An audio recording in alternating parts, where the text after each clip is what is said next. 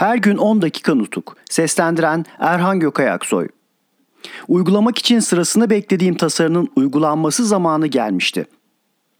Ben mecliste gizli ve karşıcıl bir grup bulunduğunu sezdikten, meclis çalışmalarında duyguların etkin olduğunu gördükten ve bakanlar kurulu çalışmalarının her gün temelsiz bir takım nedenlerle düzeninden çıkarıldığı kanısına vardıktan sonra uygulamak için sırasını beklediğim bir düşüncenin uygulanma zamanının geldiği yargısına varmıştım.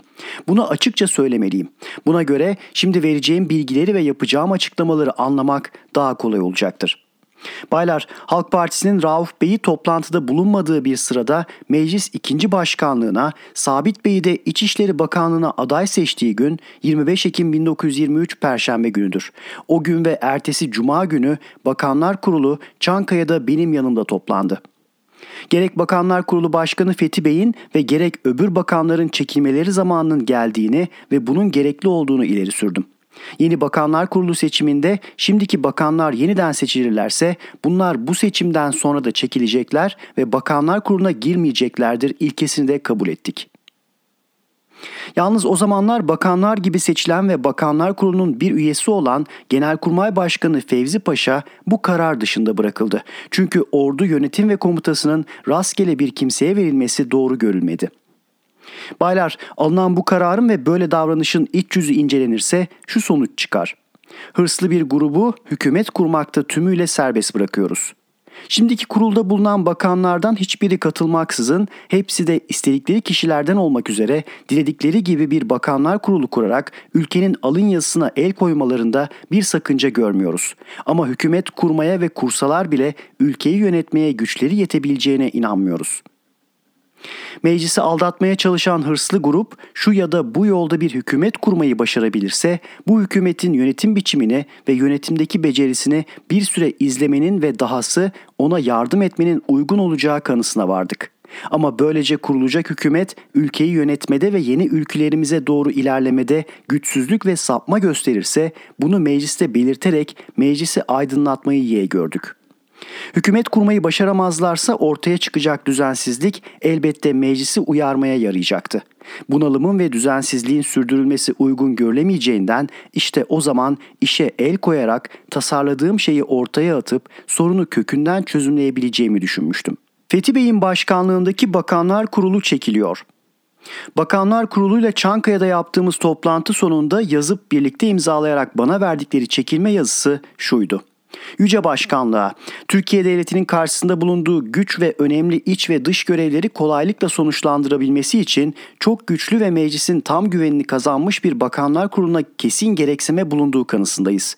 Bunun için Yüksek Meclis'in her bakımdan güvenine ve yardımına dayanan bir bakanlar kurulunun kurulmasına hizmet etmek amacıyla çekildiğimizi üstün saygılarla bilginize sunarız efendim.'' Baylar bu çekilme yazısı 27 Ekim 1923 Cumartesi günü öğleden sonra saat 1'de başkanlığımda toplanan parti genel kuruluna bildirilmiş ve saat 5'e doğru açılan mecliste okunmuştur. Bakanlar Kurulu aday listeleri ve Bakanlar Kurulu başkanlığına seçileceği umulan kişiler. Bakanlar Kurulu'nun çekildiği belli olur olmaz meclis üyeleri meclis odalarında evlerinde grup grup toplanarak yeni Bakanlar Kurulu listeleri düzenlemeye başladılar. Bu durum Ekim ayının 28. günü geç vakte dek sürdü.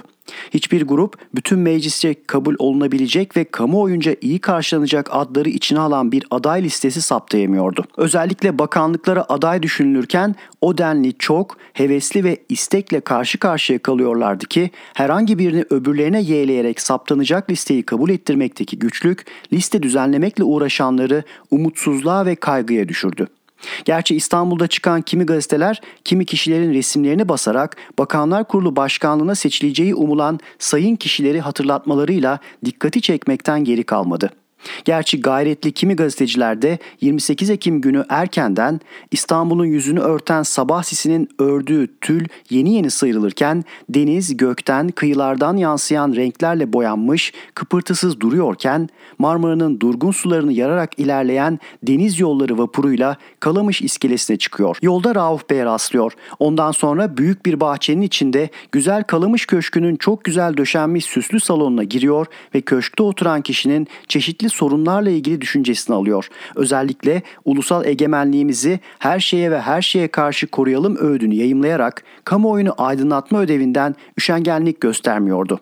Ama bu uyarma ve aydınlatmalar Ankara'ya etki yapamıyordu. Ulusal egemenliğimizi her şeye ve her şeye karşı koruyalım diyen kişi Baylar, her şeye ve her şeye karşı ulusal egemenliğin korunmasını ötleyen kişi, halifenin okşamasını tanrı kayrası sayan kişidir. Kimi gazetelerin Konya'ya ordu müfettişliğine atanan Fuat Paşa'nın 28 Ekim'de İstanbul'a varışında onun Rauf Bey, Refet Paşa, Adnan Bey ve daha birçok kişilerce karşılandığını bildiren tel haberleriyle Rauf Bey ile Kazım Karabekir Paşa'nın resimlerini basarak Mondros Ateşkes Antlaşması'nı ve Kars'ın kurtarılışını hatırlatmak için yazdıkları yazılar da yeterince dikkati çekmeye yaramadı. Parti Yönetim Kurulu da kesin Bakanlar Kurulu listesi çıkaramadı.